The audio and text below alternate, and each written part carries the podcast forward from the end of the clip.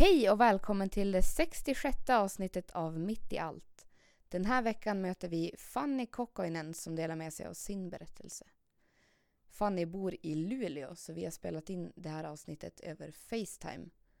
Om ni undrar varför kvaliteten varierar lite grann. Men eh, nu över till veckans avsnitt. Häng med!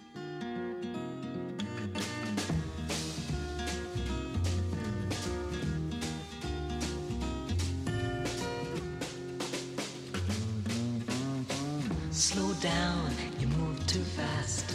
You got to make the morning last. Just kicking down the cobblestones, looking for fun and feeling groovy.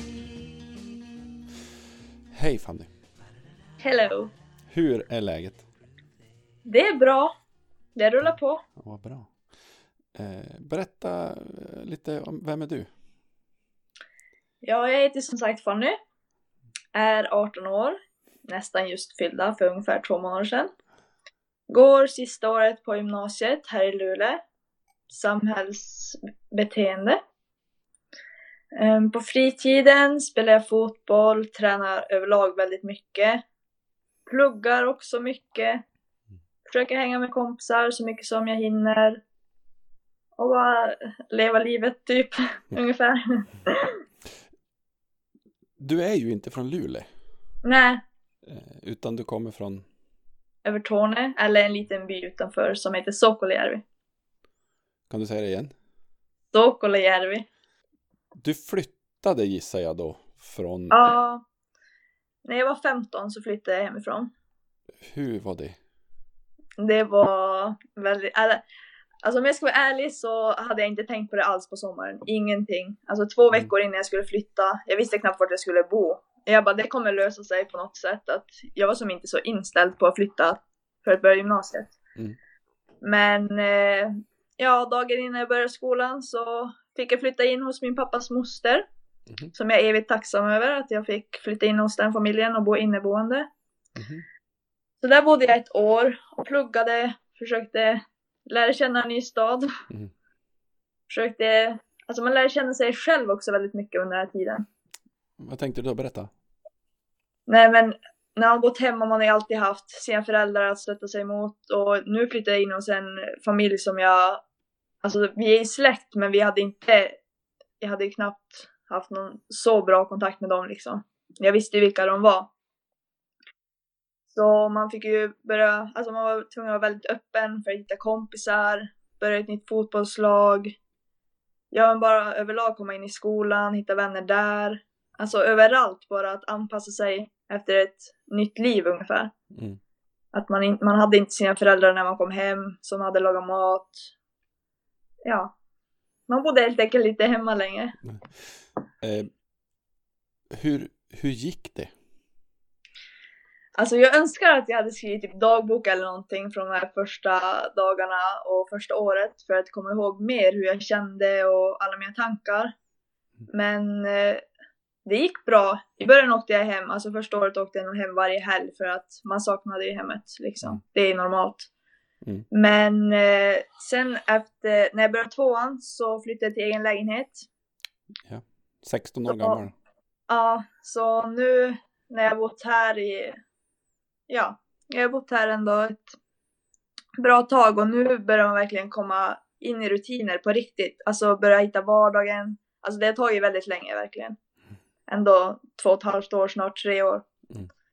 Men eh, nu har man också behövt lära sig hur man tvättar, städar själv. Och nu när man kommer hem så är det ju ingen här heller. Som det var när jag bodde inneboende. Mm. Så man verkligen lärt sig att tycka om sitt eget eh, sällskap och ja, bara allt som innebär att bo själv. Det är mycket mer än vad man tror. Mm. Speciellt när man är ung och kanske inte riktigt vet vart man har sig själv alltid och Mm. liknande saker. Men jag har växt som person väldigt mycket. Mm. Det kan jag tänka mig. Ja. Eh, hur lär man sig att tycka om sitt eget sällskap? Ja, alltså man får väl bara acceptera att det är ändå sig själv man ska leva hela livet. Det kan ju låta lite klyschigt men det är ju faktiskt så. Mm. Och om man spenderar så mycket tid ensam som jag ändå gör när jag är i min lägenhet och åker till träningar, från träningar till skolan och sånt där. Så måste man ändå lära sig att tycka om sitt eget sällskap för annars kommer det ju som inte fungera. Mm. För det är inte när jag kommer hem att jag har någon att prata med utan då får jag hitta andra sätt att liksom ja men bara hänga med mig själv liksom. Och det tycker jag är väldigt nyttigt. Mm. Eh, Vad blev dina sätt? Ah, Gud, det känns som att det bara har alltså växt fram. Förut kände jag inte så här utan det har nog bara kommit automatiskt och inget jag har lagt alltså, så mycket energi på utan det har bara kommit naturligt. Att jag har accepterat och alltså verkligen börjat tycka om att vara själv för det Mm. tror jag inte jag tyckte om förut. Okej. Och, på sam- och då uppskattar man ju mycket mer när man hänger med familjen, med vänner för att men ändå har man distans från det när man är själv. Så man hinner tänka igenom ja, men, allt man vill tänka igenom och kanske inte alltid vill ha någon som stör när man pluggar eller liknande. Så det ändå fungerar väldigt bra. Eh, har det funnits någon period när du har velat skita i det och åka hem? Ja, det har det verkligen. Speciellt förra, förra våren var det väldigt, väldigt jobbigt faktiskt. Men eh, jag klarar mig från det också. Eh, får jag fråga vad som hände då? Nej men det var väldigt mycket i skolan, jobbiga kurser. Och det var ju ändå första, alltså första våren jag bodde själv. Mm. Mycket man ska hinna med, man ska hinna boka tvätttid, man ska hinna med alla bussar. Alltså man ska liksom anpassa livet efter alla alltså tider som man Mm. har. Mm. Och i kombination med att eh, jag var skadad och inte fick svar på varför jag var skadad Mm. så var det väldigt, väldigt jobbigt faktiskt. Men jag klarar mig ur det också. Eh, hur, hur då? Vad, Alltså jag vet bara att en dag så kände jag bara nu är det över typ. Mm. Och jag vet, jag, jag satt här hemma och bara shit, jag har verkligen inte mått bra de här månaderna i början av året. Men eh, nu har det släppt. Och det var nog också bara att skolan började rulla på igen, att man kände att ja men mot våren är kanske det jobbigaste avklarat och jag vet inte, man behövde inte lägga lika mycket tid på plugget som eh, tidigare och allt var, alltså vi hade en kurs som jag verkligen, verkligen tyckte var jättejobbig. Och när man hade klarat de tyngsta grejerna så kändes det att det äntligen började släppa. Ja. Och då i samband med det så börjar man må bra igen. För Mm. att jag är en person som värderar mig tyvärr väldigt mycket i mina prestationer. mm, Så går det dåligt i skolan så mår man inte så jättebra. Mm. Eller går det dåligt på en träning så är dagen förstörd. Med li- alltså liknande sånt så. eh, känn, så att du, du, var- du märkte att det var över det här eh, Ja. jobb, jobbiga bitarna. Eh, det var ingenting du tänkte på att liksom, nu, nu är det skit. Nu, nu skiter jag i Jo. det här och åker hem. Alltså jag tänkte ju alltså flera gånger bara så man ska inte må så här. Mm. Det, alltså jag är verkligen nere men samtidigt. Jag var ganska bra på att hålla humöret uppe och jag visste att det blir inte bättre av att bara sitta hemma och deppa. Fast jag, jag är självklart gjorde det ibland och Mm. men samtidigt. Alltså jag vet inte men eh, då under den här tiden då skrev jag då skrev jag dagbok och det blev ändå alltså någonstans att få ut sina känslor och sina tankar utan att behöva ta det med någon annan. Mm. För att jag kan ibland ha svårt att öppna upp mig för folk och då var det väldigt skönt att bara ja men nu är jag här och så skriver jag ner det jag känner och tänker och så kan jag lämna det för, för stunden i alla fall. Mm. Och men det blev bara till slut alltså vintern är ju väldigt mörk överlag här och jag vet inte i kombination med allt så till slut när våren kom då kände jag att ja men nu vänder det. Mm. Eh, hur är det att läsa den dagboken nu? Alltså det är ändå lite smärtsamt. För att då förstår man verkligen att man hade en sämre period i livet och att att man var stark typ, alltså nog stark att ta sig ur den utan att, alltså med sin egen hjälp. för det mesta. Mm.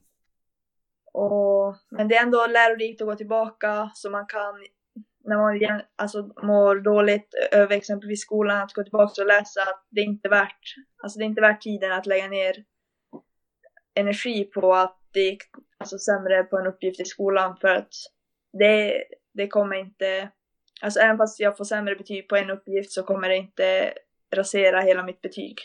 Och det tyckte jag var skönt under den jobbiga kursen, att även fast det gick dåligt på ett prov så mitt slutbetyg, alltså det påverkade inte mitt slutbetyg och det är ändå ett bevis på att, och en skön, alltså någonstans jag kan vända mig när det känns att, alltså fan, nu misslyckades jag på den här saken liksom. Mm. Så det, det är ändå, det har varit hjälp. Mm. Eh, Fick du ingen hjälp utifrån? Jo, men som sagt, jag brukar inte alltid öppna upp mig. Mm. Och jag var nog... Jag sa nog inte så jättemycket till eh, folk runt omkring. Förutom min sjukgymnast. Det var där hon var liksom min räddare i, i nöden under den här tiden när jag inte hade mina föräldrar här i Luleå. Just Så hon var en stor hjälp. Men självklart har jag ju fått stöd från mina föräldrar och såna här, alltså Mm. vänner runt omkring. Men det var ändå där jag kunde verkligen släppa ut vad jag kände typ. Och det, det var viktigt för mig att ha ett andrum någonstans. Hos någon annan än Mm. hos mig själv bara. Ja, jag kan tänka mig det. Ja. Så hon var både sjukgymnast och, och, och, och någon sorts terapeut? ja, till slut blev hon faktiskt det. Ja, vad bra. ja, Eh, eh, bra att hitta sådana människor. verkligen. Eh, alltså hittar ju oss mycket och klura vidare på i det här. Skadad säger du att du var. Ja, Eh, vad hände? Är det fotbollen som Ja, spökar? alltså, alltså kommer du ihåg på Confolate när vi hade också någon så här löptävling eller någonting. När jag kom till er och bad om att få typ en eh, två liters flaska som jag skulle kunna ry- rulla ryggen på. ja, svaga minnen. Ja, men alltså det har ju varit, alltså redan då, redan innan så hade jag problem med min kropp och jag hade ju som aldrig fått svar på varför. Mhm. Jag hade så ont i, i bröstmuskulaturen och i bröstryggen där bak. Mm. Så under typ 5-6 år så har jag haft ont men ingen har kunnat förklara varför. Ja. Och förra våren, det var väl då det jag hade som mest ont och trots att jag gick hos min sjukgymnast som var, alltså hon är ju väldigt duktig, men inget hjälpte. Så det släppte helt. Men eh, ja, och sen har jag fått testa mig fram. Mm. Och om jag inte kan träna som jag vill, då, mitt, då fungerar inte mitt humör heller så Mm. jättebra. Just det. Så, men eh, nu efter jul så har jag börjat med yoga. Okej. Och eh, sakta men säkert så har mina symptom börjat ge med sig och jag har kunnat börja spela fotboll. Visst har jag bara kunnat spela typ en kvart på en match, men Mm. förut kunde jag inte ens ta en enda löpning utan att jag fick kliva av. Mhm. Och nu har jag kunnat genomföra väldigt många träningar utan smärta. Okej. Så Men enda skillnaden är att du har börjat med yoga. ja, typ. Det Och fa- det är så himla sjukt. men, det men finns väldigt- ingen förklaring till smärtan. Nej, alltså det är ingen som har gett mig en så här konkret förklaring bara det är det här för att det beror på det här. Utan Mm. alla har bara kommit med alltså, hypoteser typ att ja men det kan vara så här och beroende på om jag har gått till sjukgymnast eller kiropraktor eller nap- naprapat så har det varit olika svar. Ja. Så det har varit väldigt diffusa smärtor. Mm. Så det är väldigt skönt att äntligen kunna träna utan att ha ont. Mm, ja, det kan jag tänka mig. För att till slut, alltså efter fem, sex, alltså fem, sex år och ha ont, till slut blir man ju van. Men det är ju inte lika roligt att träna som när man inte har ont. Nej, jag kan tänka mig det. Eh, kanske ska säga det också att, så att våra lyssnare förstår. Eh, eh, 2014 var du konfirmand på ett av våra läger här i Umeå. Ja, Fastän du inte alls eh, bor här. Hello, lamppost, what you knowin'? I come to watch your flowers growin'. Ain't you got no rhymes for me? Do it and do do, feelin' groovy. Eh, för du säger också att du v- värderar dig själv mycket utifrån din prestation. mm, eh, hur, hur lever du med det? Alltså nu när jag blivit lite äldre och jag försöker verkligen tänka på att jag är inte mina prestationer. Mm. Fast jag värderar mig oerhört mycket i dem. Mm. Vilket är tråkigt. Men eller det är kul när det går bra. Att värdera sig i sina prestationer. Men när det inte går bra då är det inte alls roligt. Och jag försöker tänka på det hela tiden och jag vet mina föräldrar de försöker verkligen också säga bara det spelar ingen roll. Mm. Alltså du, dina prestationer är inte du. Mm. Och sådär då. Men när man lever i det så är det väldigt svårt att komma bort från det. Mm. Eh, eh, Påverkar det här dig liksom till vardags? Att, det, att du hela tiden känner att du måste prestera Ja. saker? Det gör det. Hur då? Vad Men- händer? Nej men i skolan är ju väldigt bra exempel. Man ska ha, helst ha högst betyg på allt, på träningar, man ska vara, helst vara bäst, man ska vara snabbast, göra mest mål, gö, göra minst felpassningar. Och i vänskapen, man ska alltid finnas där för andra, så alltid göra rätt för sig. Och ibland så, så går det liksom inte bara. Mm. Och då är det ju inte heller, alltså då är det ju verkligen inte kul att värdera sig i prestationer. Mm. Och det är något jag försöker jobba bort. För att Mm. så, länge det, så länge det får mig att må bra så kan jag leva med det. Men när det får mig att känna mig alltså värdelös, det är då jag känner bara det är inte värt det. Och jag försöker Mm. verkligen att tänka på hur jag ser mig själv. Mm. Och tänka på att, ja men som sagt, jag är inte mina prestationer. Men Mm. det är ju lättare sagt än gjort. När man har, när man har hela livet haft den inställningen Mm. till sig själv. Men, men eh, när, det in, när du inte presterar som du kanske vill eller önskar, vad, vad händer med dig då? Nej, alltså då går jag bara in i mig själv. Vill inte prata med någon, helst bara... Alltså jag vet inte. Om det är på träningen då vill jag helst bara få köra ett nytt träningspass så jag får en bättre känsla. Är det i skolan så vill jag bara, alltså bara slänga bort det där, den där uppgiften och påbörja en ny direkt och bara visa att jag kan mycket bättre. Mm. Och, Visa ja. för, för vem? Alltså det är det. Alltså det är ju för mig själv. Men samt för att egentligen ingen annan bryr sig. Jag, jag vet ju det innerst inne. Så Mm. det är ju mest för mig själv. Att alla krav jag lägger på mig själv och alla mål jag vill klara av. Och kan jag inte prestera efter det jag vill så raserar ju raseras det liksom. Och, men det är nog mest för mig själv bara. Mm. Och det är väl det som också är farligt att det är för en själv för då då kan man ju lägga hur höga mål man vill. Jo, det är ju så.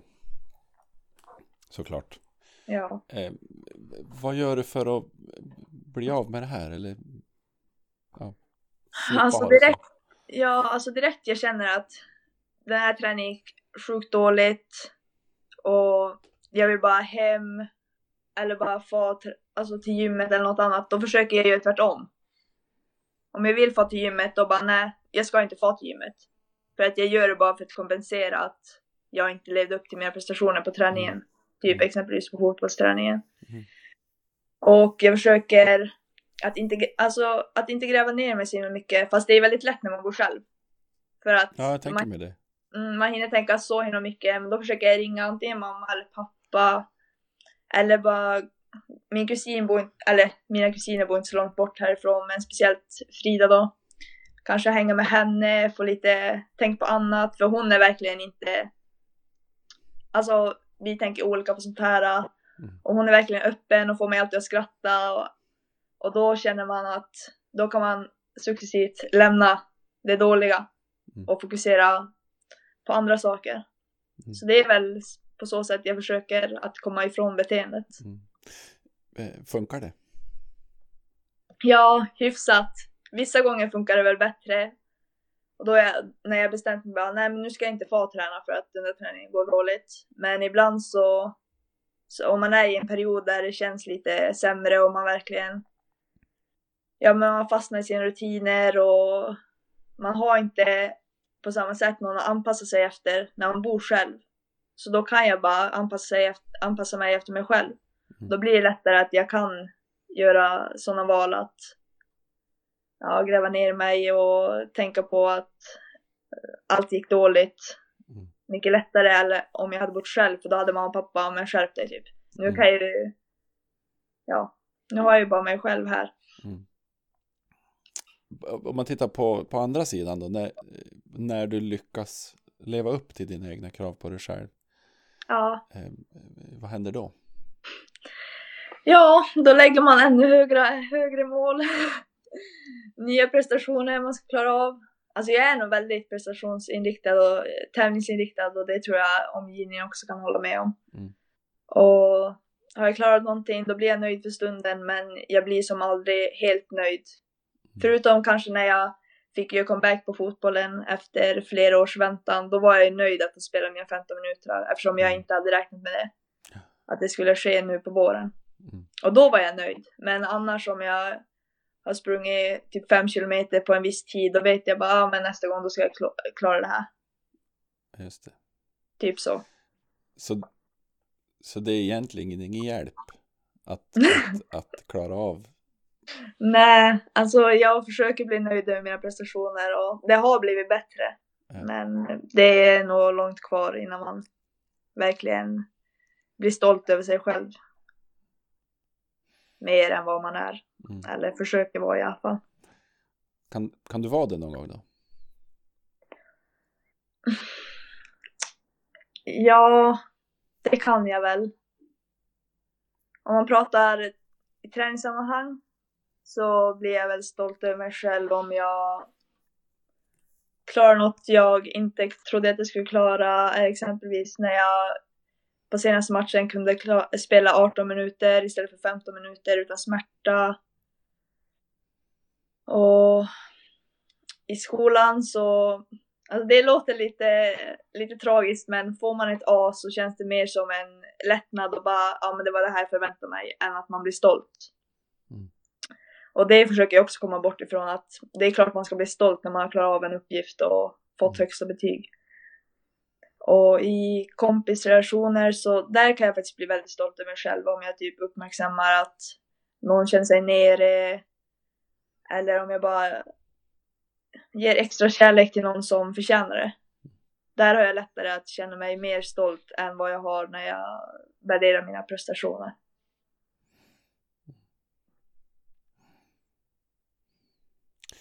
Det är ju stökigt det där. Det påverkar oss ju så mycket.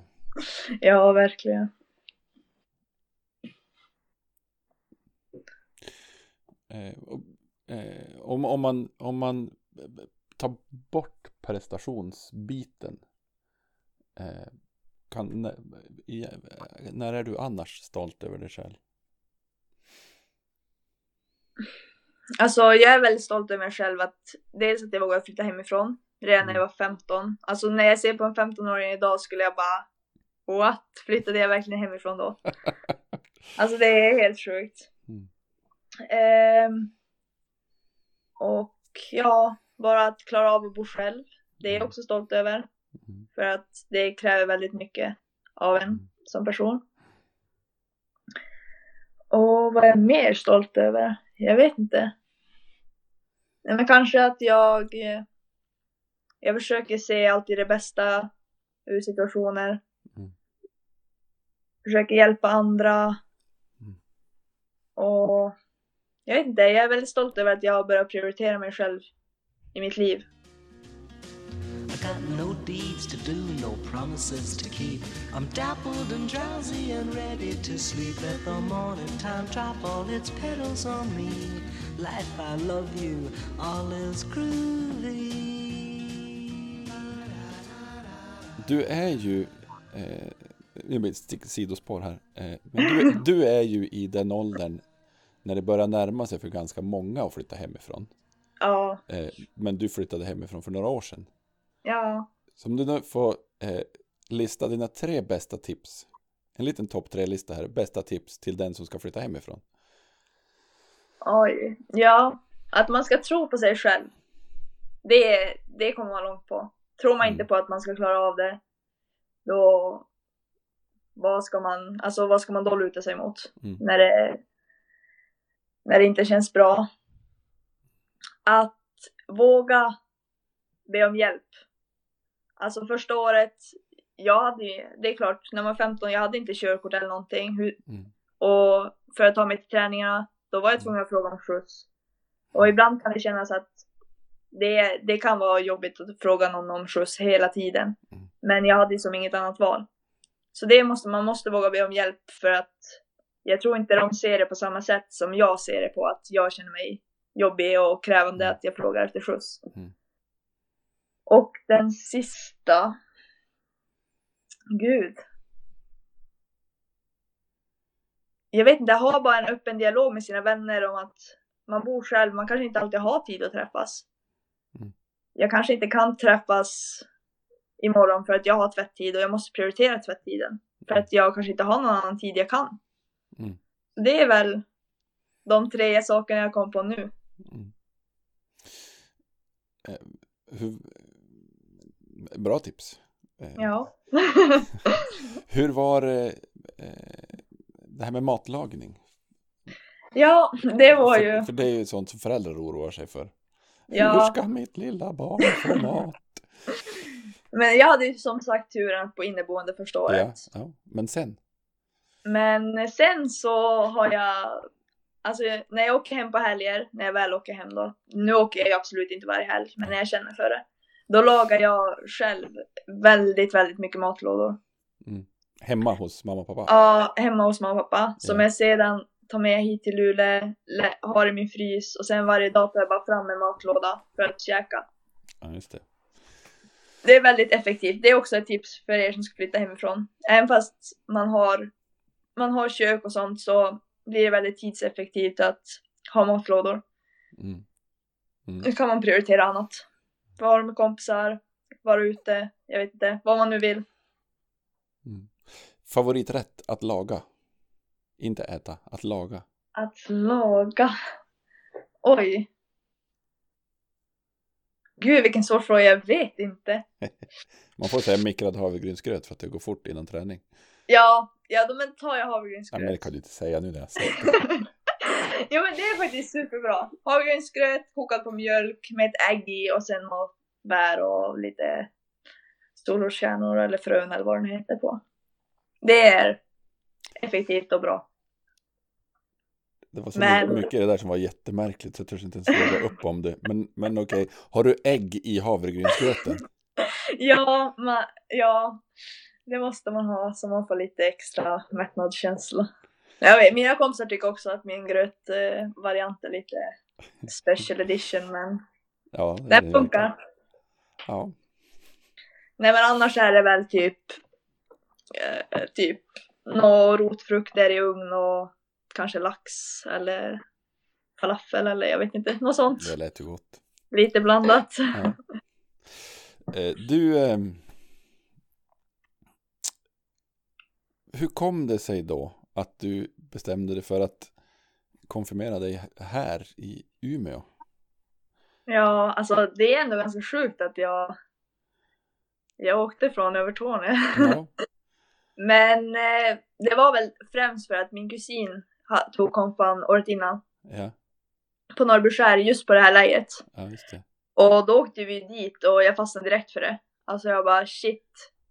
Och när hon berättade allt hon hade varit med om och hur mycket hon hade lärt sig och utvecklats och Mm. vilken sammanhållning man hade och alltså allt vad konfaläget innebar. Mm.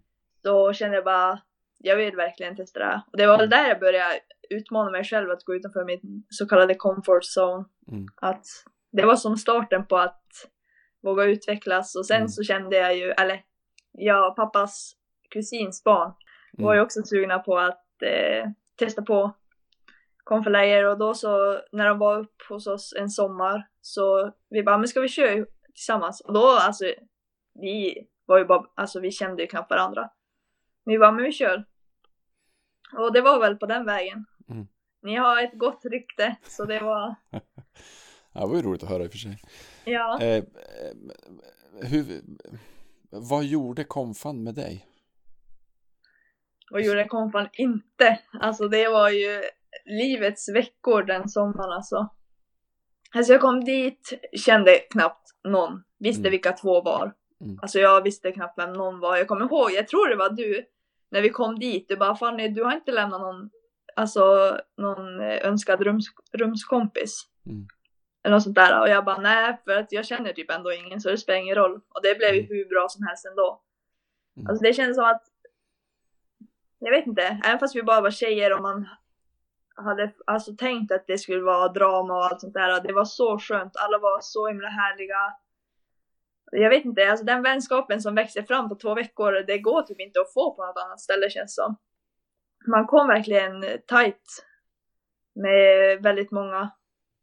Och jag vet inte, det kom fan, det var som ett andrum och man fick vara sig själv till 100% och det spelar ingen roll om man var om man var ledsen eller om man var glad att alla ens känslor de fick, fick få plats. Och det tyckte jag var fint, speciellt när man vi var ju ändå unga Mm. och då man kanske inte alltid vet vem man har bredvid sig och, men det kändes skönt att på konfan alla var ärliga och man kunde verkligen bara vara och jag vet inte, uppleva Mm. allt. Eh, Du pratade om att du växte där. Ja, Hur då? Men det var ju mina två första veckor utan att se mina, alltså, mina föräldrar. Jag har nog aldrig varit utan dem så länge. Så man fick ju, det var ju första prövningstiden på att bo själv så att säga. Ja. Eh, Så man växte ju som person, man fick ta mycket ansvar. Man, där också, om jag inte kände någon, jag kan ju inte stänga mig inne och inte vara social. Man måste ju verkligen vara social för att få kompisar. Mm. Så man lär sig att våga öppna upp sig Mm. och alltså ta för sig. Mm. Och man vågade visa sig sårbar, vilket inte alltid är lätt, speciellt inte in, inför en ny grupp människor. Nej. Så det var väl främst det jag tog med mig därifrån. Hur var det då? För jag minns ju avslutningen. Eh, att åka hem från det. Ja, det var ju inte något man eh, hade räknat med att det skulle bli så jobbigt. Alltså jag var ju helt förkrossad. Alltså jag kommer ihåg det. Jag bara, alltså jag tror mina tårar tog slut. Alltså det gick inte. Det fanns inte kvar längre. Mm. Och eftersom jag var den enda som inte bodde i Umeå så var det extra jobbigt för att jag visste ju att jag kommer åka hem men alla andra kommer ju vara kvar i Umeå. Mm. Så det var väldigt, väldigt jobbigt. Och speciellt när man hade kommit så nära vissa personer att vi kommer inte längre ses 24 timmar om dygnet. Nej. Och, men samtidigt så var det ju lite, lite roligt att vara den enda som inte kom från Umeå. För när man kom till Umeå, då ville alla ses. Mm. Så det var väldigt, väldigt roligt. Eh, Du är hit och hälsar på ibland eller? Ja, Hur är det? det är, det är roligt. Alltså förut var jag mycket oftare. Men jag har ju fortfarande bra kontakt med vissa från konfaläget som Mm. jag är väldigt tacksam över. Så alltid när jag kommer ner för att hälsa på någon av mina släktingar eller min bror så, så försöker jag alltid träffa dem för att hålla kontakten uppe. Och det är så skönt för att man behöver inte ses varje dag eller vi hörs knappt. Men när vi ses så är det samma sak. Alltså det är som ingen skillnad. Och det värdesätter jag väldigt högt. Mm. Det är otroligt skönt. Att det inte är, att vår vänskap inte är krävande att den alltid måste hållas vid liv så att säga. Utan den, den bara är där och sen så när man ses så är det som vanligt. Så bra. Ja. Eh, eh, vad, vad konfan, eh, alltså din relation till kyrkan, fanns den innan konfan eller var det konfan som var där? Nej, det blev nog konfan. Faktiskt. Eh, och hur ser din kontakt med kyrkan ut idag? Fick du med dig någonting där som du bär med dig fortfarande? Alltså om jag ska vara ärlig så innan konfan då, alltså kyrkan det var som bara, ja, jag vet inte riktigt. Och även fast jag efteråt kanske inte heller har haft, alltså jag tog exempelvis inte ledarutbildningen och sånt där som jag egentligen ville, men men eh, relationen till kyrkan, den är ju bättre. Men jag, om jag ska vara ärlig så den är inte kanske så bra som för vissa andra som gick på konfa-läget. Ja, just det. Är du en, en religiös, en troende person? Nej, det skulle jag nog inte säga att jag är så. Under vissa perioder i livet, då har jag, då är jag på kvällarna kanske bett någon bön, alltså på så sätt. Mm. Men eh, överlag så skulle jag inte säga att jag har, men jag har verkligen alltså respekt för folk som är det. Mm. Och det är alltså, det är inget, det är inget jag är emot liksom, det är väl bara att jag har inte tagit mig den, alltså kanske den tiden eller känner det behovet just nu i mitt liv. Ja, just det. Så det är väl på så, på så sätt. Ehm.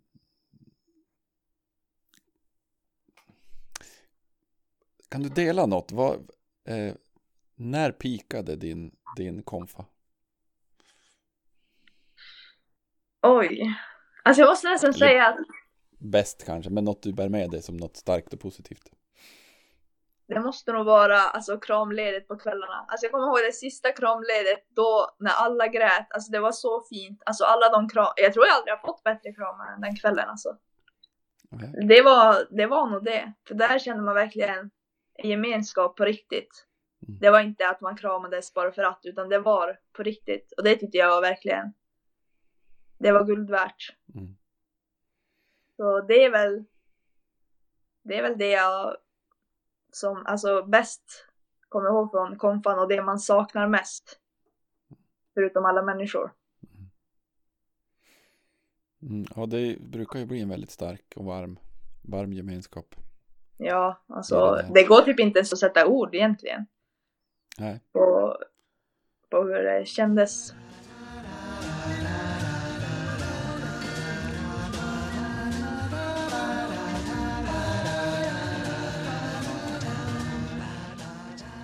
Du tar studenten nu gissar jag. Ja, Eh, eh, hur, hur, hur ser du på det? åh gud, det ska bli, det ska bli så kul. Alltså verkligen, jag ser fram emot det sjukt mycket. Det har varit tre lärorika år här i Luleå och nu ska man äntligen få, få springa ut. Det, alltså när man tänker, man ryser i kroppen. Det ska bli så, allt man har kämpat för och all tid man har lagt ner, det ska äntligen, man ska få det på ett papper att nu är det klart. Mm. Och det ska bli så sjukt skönt att, att ta det steget. Eh, vad händer sen? Alltså min plan just nu, det är att eh, ta mitt pick och pack och flytta igen. I alla fall för sommaren till Stockholm. Okej. Testa på sommaren där i alla fall och se hur jag trivs. Försöka hitta någon vardag i alla fall för att kunna bedöma om jag vill bo kvar eller om jag kommer hem, tillbaks till Luleå. Så det är väl planen att jobba, men jag ska även söka in på universitet, kanske bara någon kurs eller sånt på distans. Ja. Så får man se. Men det är planen i alla fall, så får vi se om det hinner ändras eller vad som händer under sommaren. Ja. Man vet ju aldrig. Nej, så är det ju. Vips så kanske jag är i Umeå, man vet Ja, aldrig. det var det jag satt och lurade på med tanke på konfan. Men du sa du har brorsan här i stan. Ja, men han ska tyvärr flytta upp till Luleå. Ja, Men jag har väldigt många, alltså mina kusiner bor ju där och väldigt många kompisar. Ja, det. Det är inte helt omöjligt, men för tillfället är jag inte så sugen på Umeå. Ja, Men det kanske kommer. det kanske kommer. Har du en, en långsiktigare plan? Vet du vad du gör om tio år? Förmodligen, vad är jag, 28? Jag vill ju satsa på fotbollen, speciellt nu när om kroppen fungerar. Hur bra är Jag du? vill ge det. Vad sa du? Hur bra är du? Det ska väl inte jag säga. Ja, men nu får du chansen. Jag kan faktiskt inte uppskatta min förmåga. Jag, jag försöker komma in i matchrutiner nu. Vad spelar du med för lag? Notviken division 2. Ja, just det. Ja, men det är ganska hög nivå. Ja, men jag försöker komma in i matchrutiner och liksom få känna på boll och Ja, hitta självförtroende igen för att våga lira på plan. Ja just det. Så det är väl där jag får börja. Sen får man ta det nästa steg. Mm. Men sen så vill jag jag vill jobba med något inom kost och träning Ja, just det. eller ledarskap. något sånt, för det, det brinner jag för. Så något åt det hållet, tänker jag. Men sen får man se. Det hinner ju ändras. Man vet ju aldrig, men Nej, det är mina tankar just nu i alla fall. spännande. Ja, och sen vart jag bor, det får vi också se. Ja, det går ju inte att veta. Vi har ju en tradition med ärvda frågor i den här podden. ja, Och du ska få en fråga från ett avsnitt som jag spelade in tidigare. yes. Och den låter så här. Eh, om du blir känd, eller vore känd, vad skulle du då vilja vara känd för och varför? Oj, vilken svår fråga. Jag skulle Ja. vilja vara känd för mycket, tror jag. Mm. Jag skulle nog vilja vara känd för något jag åstadkommit prestationsmässigt inom exempelvis fotbollen. Eller någon annan sport. Håller du på med fler sporter? Nej, men eh, man vet ju aldrig om man tar upp basketkarriären igen eller börjar hockey. Och nu fick du ju välja. Mm, precis. Eller börja spela handboll eller jag vet inte. Mm. Eh, men annars skulle det nog vara för att jag har gjort skillnad i världen tror jag. Mhm.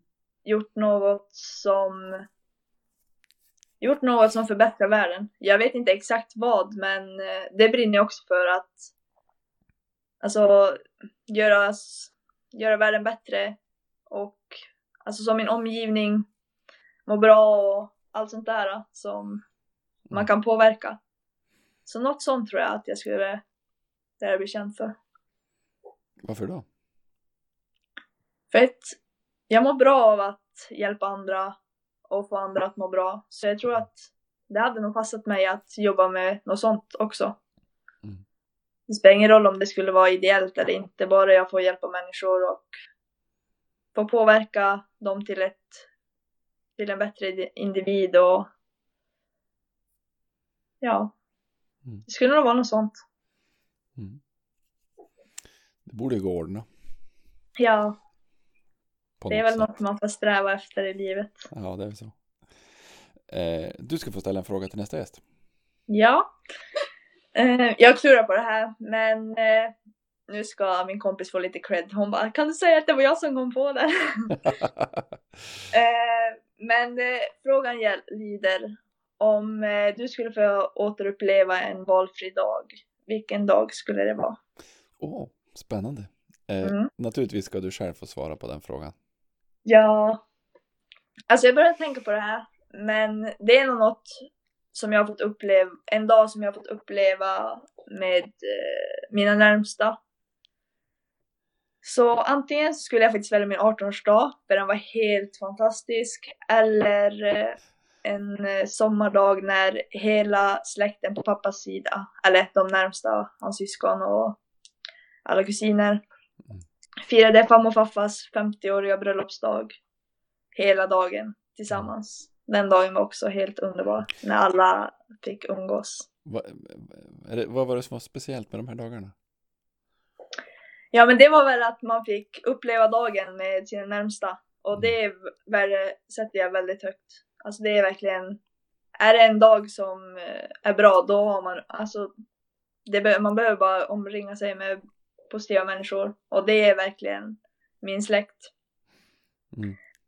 Och så det är nog därför jag skulle vilja återuppleva de dagarna. För att få känna den gemenskapen igen. Om du skulle få en dag extra, när vi nu är inne på dagar, vad skulle du göra då? Alltså jag skulle nog bara göra det jag är sugen på den dagen. Alltså inte ha några planer eller att jag måste göra det, jag ska göra det, utan bara om jag är sugen på att åka till Stockholm, då gör jag det. Om jag är sugen på att lägga ut och sola så gör jag det. Alltså bara göra saker som jag, som jag verkligen älskar och Mm. umgås. Det, det är ett krav att jag, jag ska ha personer i min närhet som jag älskar att upp, få uppleva dagen med. Mm. Det är väl det jag skulle mm, vilja ha. Sen vad vi gör, det, det får man känna den dagen. Mm. Men få uppleva den med personer som är viktiga i sitt liv. Eh, du nämner Stockholm igen. Ja, Eh, vad är det som lockar med, med Stockholm? alltså jag vet inte, jag har alltid eller alltid är väl fel att säga, men eh, på senare tid, alltså verkligen fattat tycke för att hänga i Stockholm. Och nu, min andra bror med hans tjej bor där. Så då har jag också förmånen att jag blir inte själv om jag skulle testa på Stockholm. Mm. Och jag vet inte, jag är nog bara, jag vill bara testa nya städer och utvecklas och för att flyttar man då utvecklas man som person, i alla fall jag. Mm. Jag vill väl bara testa mina gränser och se, ja men bara testa på livet.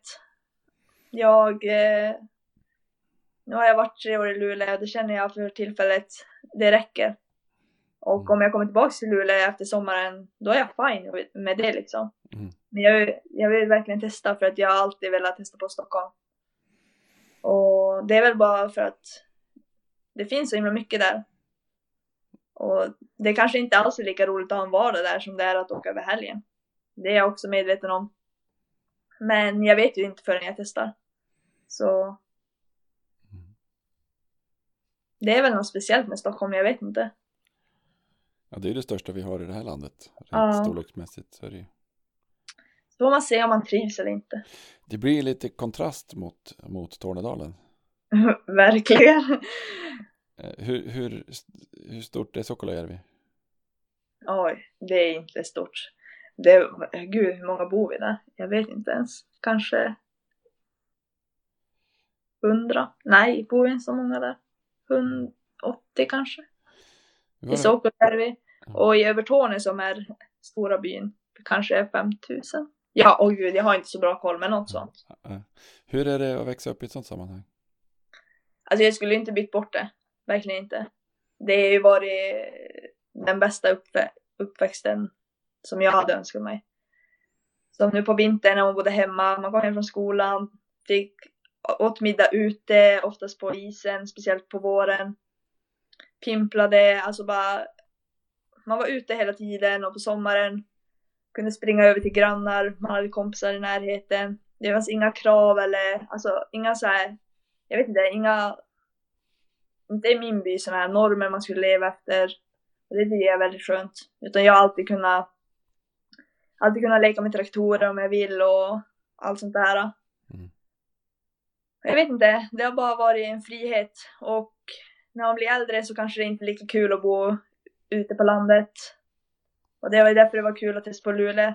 Och man blir, när man kommer hem, det blir en andra, annan känsla. Man uppskattar det mycket mer och det, det tycker jag är skönt för jag hade inte alls uppskattat det på samma sätt om jag hade bott kvar.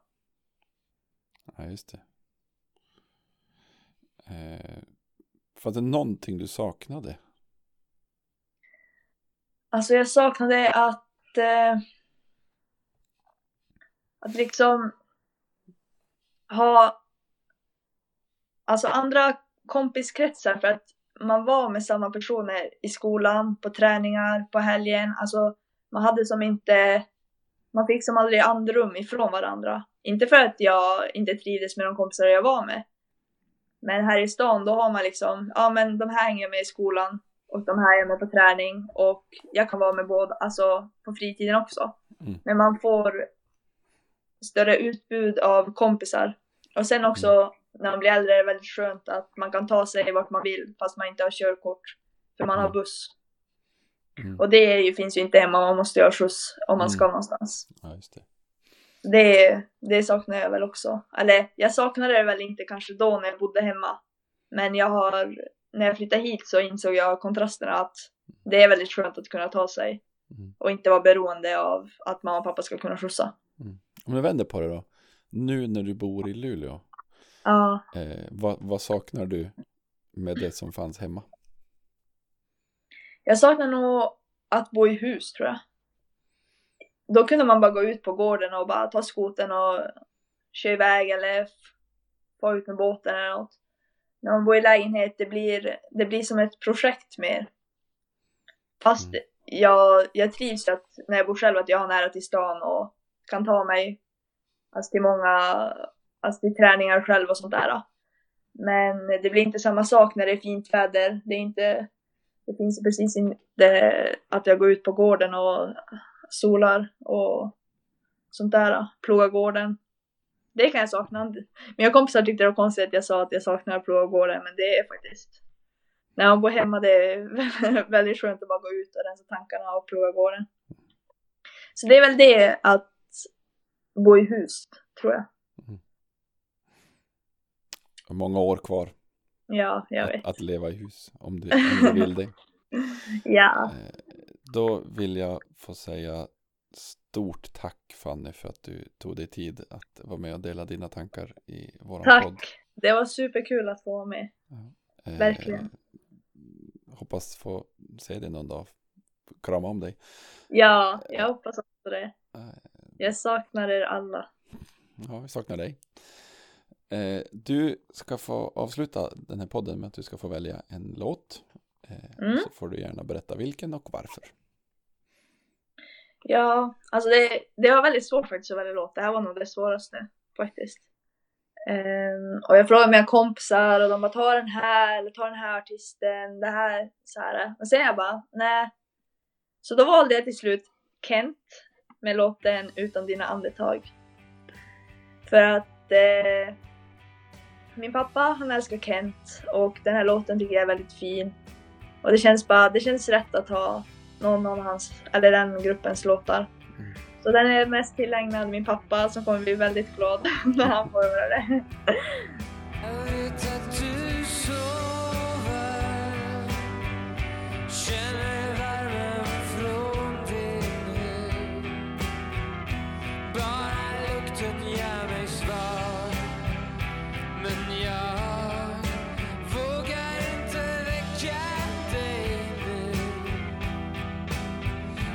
Jag